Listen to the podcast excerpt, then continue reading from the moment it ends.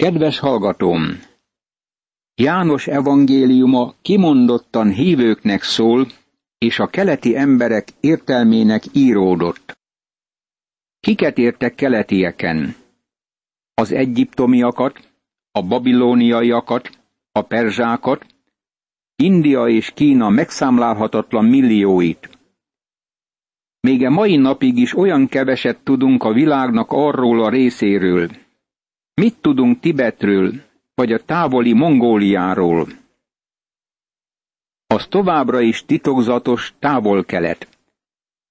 Ezt viszont tudjuk. Mesés gazdagság halmozódott fel azon a területen, és közvetlen mellette van az elkeserítő szegénység. Furcsa terület. Abból a titokzatos világból érkeztek a napkeleti bölcsek. Ajándékokat vittek magukkal az úrnak, aranyat, tömjént és mirhát. Ott nagyon sok kérdésre kell válaszolni. Abból a titokzatos országból érkeztek. A távol-keleti pompáról már sokat hallottunk, ami mesés gazdagságról beszél, díszes palotákról, elkápráztató fenségről, fölbecsülhetetlen drágakövekről. Nyugat annyira bűvöletbe esett, amikor Kolumbusz elindult, és próbált új utat találni kelet felé, hogy az ott fölhalmozódott gazdagságból valamit megszerezzen. Neki tulajdonítjuk Amerika fölfedezését, pedig nem azt a földrészt kereste. Ugyanakkor a nagy gazdagság mellett jelent meg a legnyomorúságosabb szegénység, amelyben milliók éltek a legmélyebb helyzetben. Csak egy rongydarabuk volt, amin aludtak. Azt mondják, hogy százmilliók halnak meg éhínségben a következő évtizedben. Fölteheted a kérdést, miért nem küldünk nekik élelmiszert? Az a megdöbbentő, hogy a nagy gazdagság nem talál megoldást az élet problémáira. A nagy pogányvallások, a buddhizmus, a sintoizmus, a hinduizmus, a konfucianizmus és a mohamedanizmus nem tud megoldást adni a nyomorúságra. Mégis éppen arról a vidékről érkeztek a bölcsek ezzel a kérdésükkel. Hol kell megszületnie a zsidók királyának? Láttuk csillagát napkeleten. Azért jöttünk, hogy imádjuk őt. Nekik üdvösségre volt szükségük. Nem volt üdvösségük. Egyik vallás sem adott nekik megváltást. Ezért ünnepelte a titokzatos kelet népe János evangéliumát úgy, mint senki más. Az ember ma is ünnepelheti ezt az evangéliumot. Az Úr Jézus be tudja tölteni az ilyen típusú elme ínségét, ahogy János kijelenti. Egy vallási vezető odament Jézushoz egy éjjel, amit egyedül János jegyez föl, és az úr azon az éjszakán ennek a vallási vezetőnek, aki a kisújjától kezdve a feje tetejéig vallásos volt, azt mondta, hogy újjá kell születned. Új életre volt szüksége. Meg kellett szabadulnia a régi vallástól. Jézus mondta, hogy nem azért jött, hogy régi foltot varjon az új öltönyre, hanem azért jött, hogy adja nekik az igazság ruháját, ami által képesek megállni a Szent Isten előtt. Erre volt szüksége a világnak. Távol-keleten lebecsülték a nőiséget. Urunk felmagasztalta a nőiséget, mert ő asszonytól született. Elment egy mennyegzőre, hogy választ adjon arra a gúnyolódásra, amelyel keleti háremmé tették a házasságot. Krisztus elment egy mennyegzőre, és áldását adta rá. Az Úr Jézus leült egy forrásnál is, és beszélgetett egy nagyon kérdéses jellemű asszonnyal. De Jézus azért az asszonyért is meghalt. A nőnek a lelke éppen olyan értékes volt előtte, mint a férfinak a lelke. Krisztus megelégített tömegeket, és azután beszélt az élet kenyeréről. Majd elmenekült hallgatói elől, mert nem akarta, hogy gyomruk királyává tegyék. A keleti értelem megértette Jézus beszédét az élet kenyeréről. Sajnálatos, hogy a nagy áruházak igazgatói ezt nem értik. Azt gondolják, hogy a polcon levő kenyér és bab a fontos, és Jézus azt mondta, hogy nem ez a fontos. A távol-keleti ember, akinek nem volt kenyere és babja, megértette ezt. Attól tartok, hogy ma sokan nem tudják ezt fölfogni. Az Úr Jézus ezt mondta ebben az evangéliumban. Én vagyok a világ világossága. Én vagyok az élet kenyere. Én vagyok az út, az igazság és az élet. A keleti nyomorultak elvesztek abban a korban, mint ma is. János ezt mondja. Sok más jelt is tett Jézus a tanítványai szeme láttára, amelyek nincsenek megírva ebben a könyvben. Ezek pedig azért írattak meg, hogy higgyétek, Jézus a Krisztus, az Isten fia, és e hitben életetek legyen az ő nevében. János evangéliuma, 20. rész, 30. és 31. vers. Mindenek fölött nekik az életre volt szükségük. Barátom, ma az egész világ ezután sóvárog, nem vallás után, hanem az élet után. Mielőtt elkezdjük-e fenséges evangélium tanulmányozását, hadd hívjam fel figyelmedet bizonyos kiemelkedő vonásokra. Az első három evangéliumot szinoptikus evangéliumoknak nevezzük, mert ugyanabból a nézőpontból készültek, hasonló mintát követve. A negyedik evangélium eltér azoktól. Máté és Márk Jézus csodáit hangsúlyozza, és Lukács a példázatokra irányítja a figyelmet. János egyiket sem teszi. A János evangéliumában levő csodák egyúttal jelek, és nagy gondossággal választotta ki az író, hogy azok bemutassanak bizonyos nagy igazságokat. Például az élet kenyeréről szóló tanítás az ötezer ember megvendégelésének csodáját követi. János evangéliumában tizenegy különös jellel találkozunk. A negyedik evangéliumban nincsenek példázatok. Példázat szó egyszer fordul elő János evangéliuma tizedik részének hatodik versében, de nem a szokásos görög szó, tehát nem parabolé, hanem paroimia.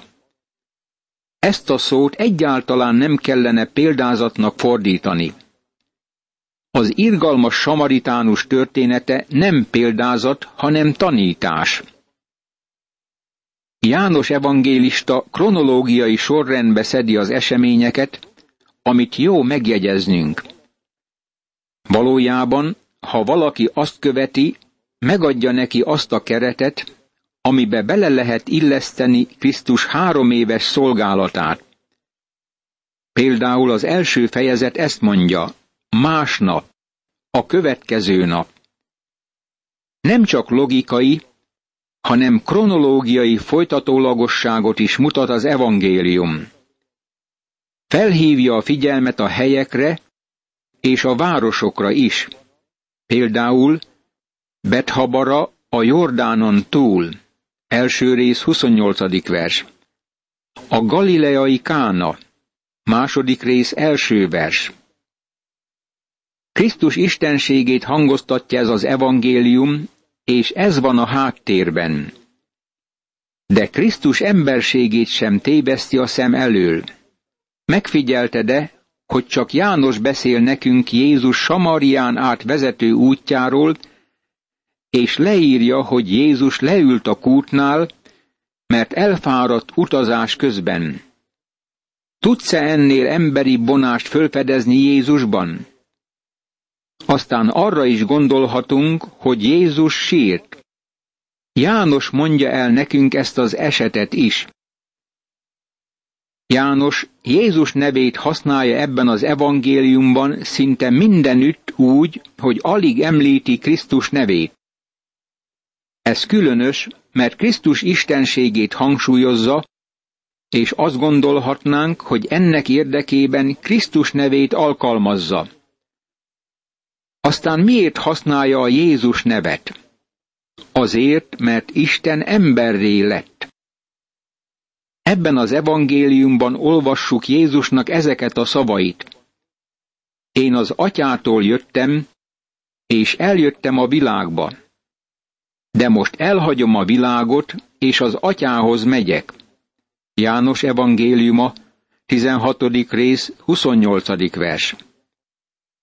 Isten emberré lett, és ez egy rendkívüli tény egyszerű nyilatkozata.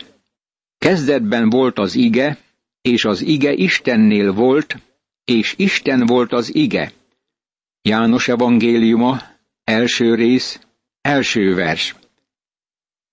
A János írása szerinti evangélium három rendkívüli nyilatkozattal mutatja be az Úr Jézus Krisztust.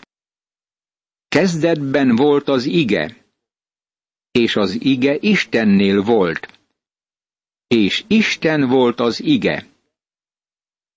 Az ige az egyik legmagasztosabb és legkifejezőbb címe az Úr Jézus Krisztusnak. Nem könnyű megfogalmaznunk pontos jelentését. Nyilvánvalóan az Úr Jézus Krisztus nem a görög filozófia logosza, hanem a Héber szentírás igéje. Figyeld meg, hogy milyen fontos az ige az Ószövetségben. Például Jahve nevét sohasem ejtették ki. Annyira szent volt a szó, hogy sohasem használták egyáltalán.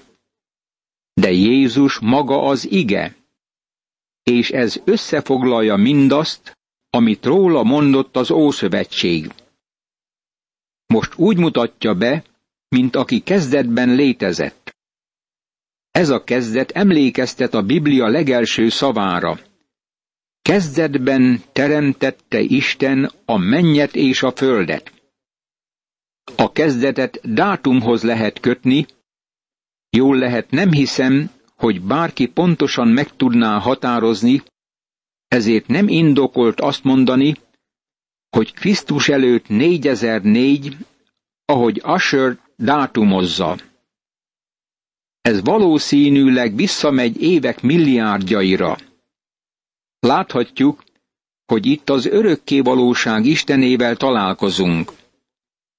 Amikor visszamegyünk a teremtéshez, ő már jelen van, és itt éppen ilyen értelemben írja le őt János. Kezdetben volt az ige. Figyeld meg, hogy azt mondja, hogy volt.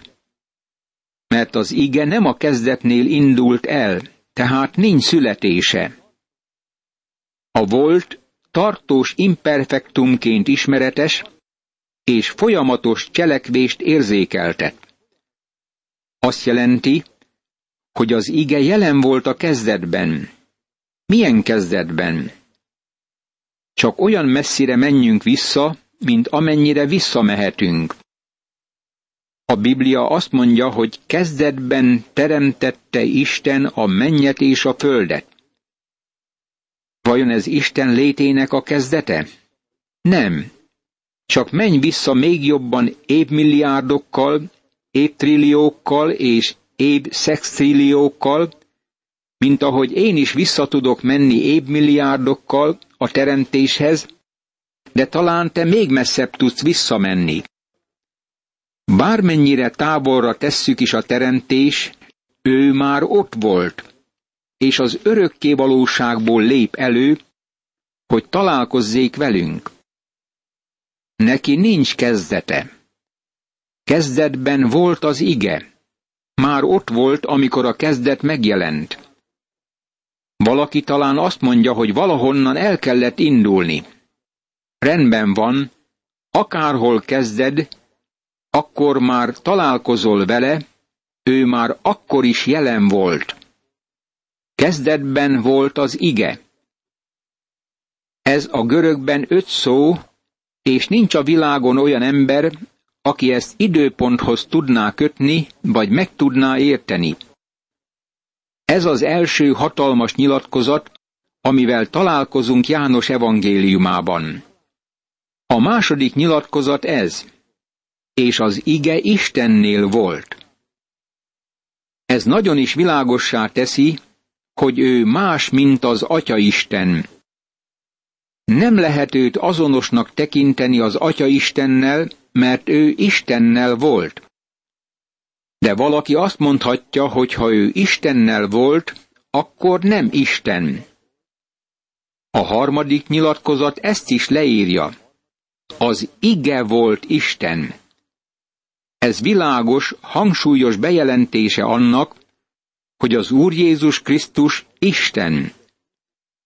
Valójában a görög szöveg sokkal határozottabb ezen a téren, mert a görög nyelvben a fontos szavakat a mondatok elejére teszik, és ez így olvasható.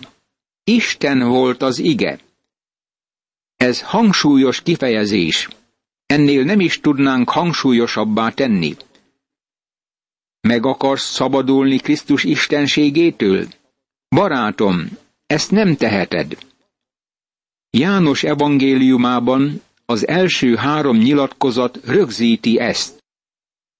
Kezdetben volt az ige, és az ige Istennél volt, és Isten volt az ige.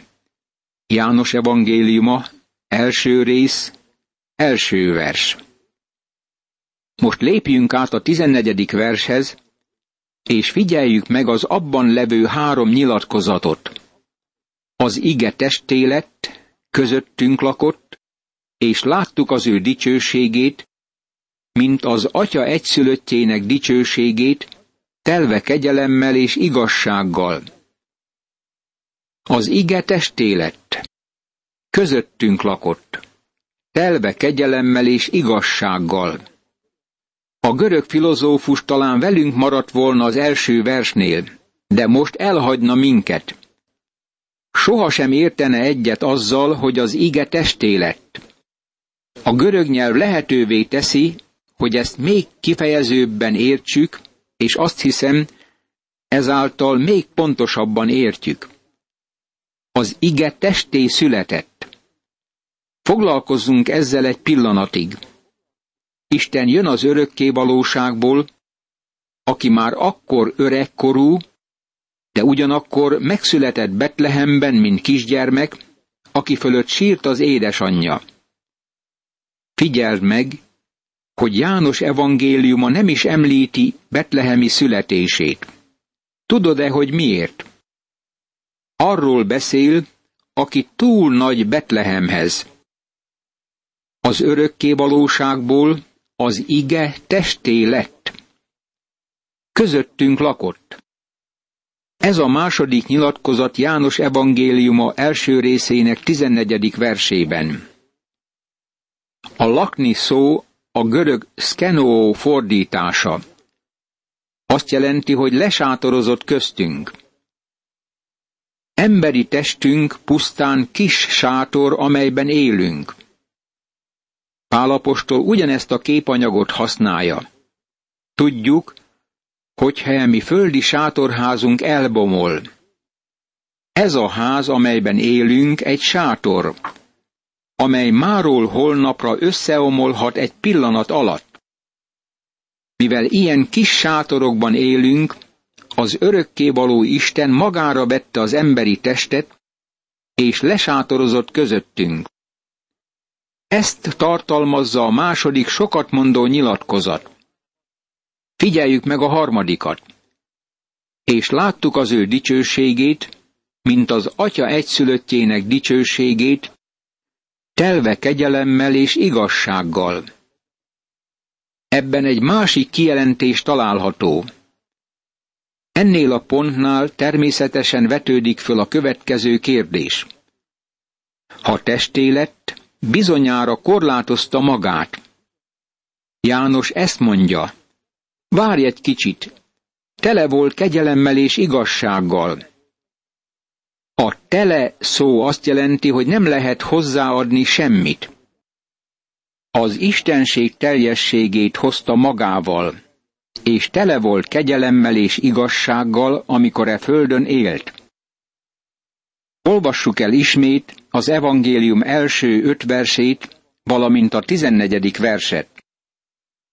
Kezdetben volt az ige, és az ige Istennél volt, és Isten volt az ige. Ő kezdetben az Istennél volt. Minden általa lett, és nélküle semmi sem lett, ami létrejött.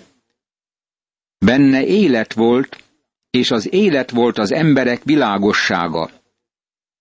A világossága sötétségben fénylik, de a sötétség nem fogadta be.